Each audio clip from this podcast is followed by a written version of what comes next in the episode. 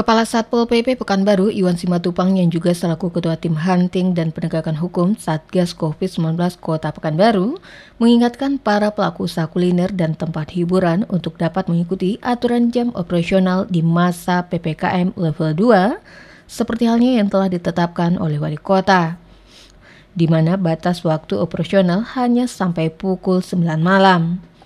Kepada wartawan ditegaskan Iwan, pihaknya tidak akan mentolerir untuk tempat usaha yang membandel.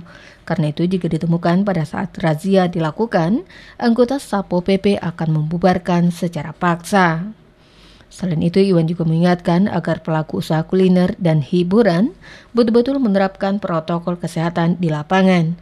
Karena itu tidak hanya berguna bagi tamu yang datang saja, tapi juga untuk melindungi pemilik serta karyawan di tempat itu. Jadi kalau kita ikuti surat edaran wali kota, bahwasanya kan kegiatan apa kegiatan operasional pelaku usaha itu kan sudah diatur tuh, yang kuliner sampai jam berapa kan jam 21.00 ya. Nah, kita mengimbau kepada seluruh pelaku usaha apa pun itu agar tetap mematuhi uh, surat edaran wali kota itu. Kemudian juga yang paling penting itu adalah menerapkan protokol kesehatan di dalam pelaksanaan usahanya. Jadi tolong diingat kembali bahwasanya protokol kesehatan memakai masker, menjaga jarak, mencuci tangan itu adalah obat yang paling mujarab. Kan itu kata para ahli ini.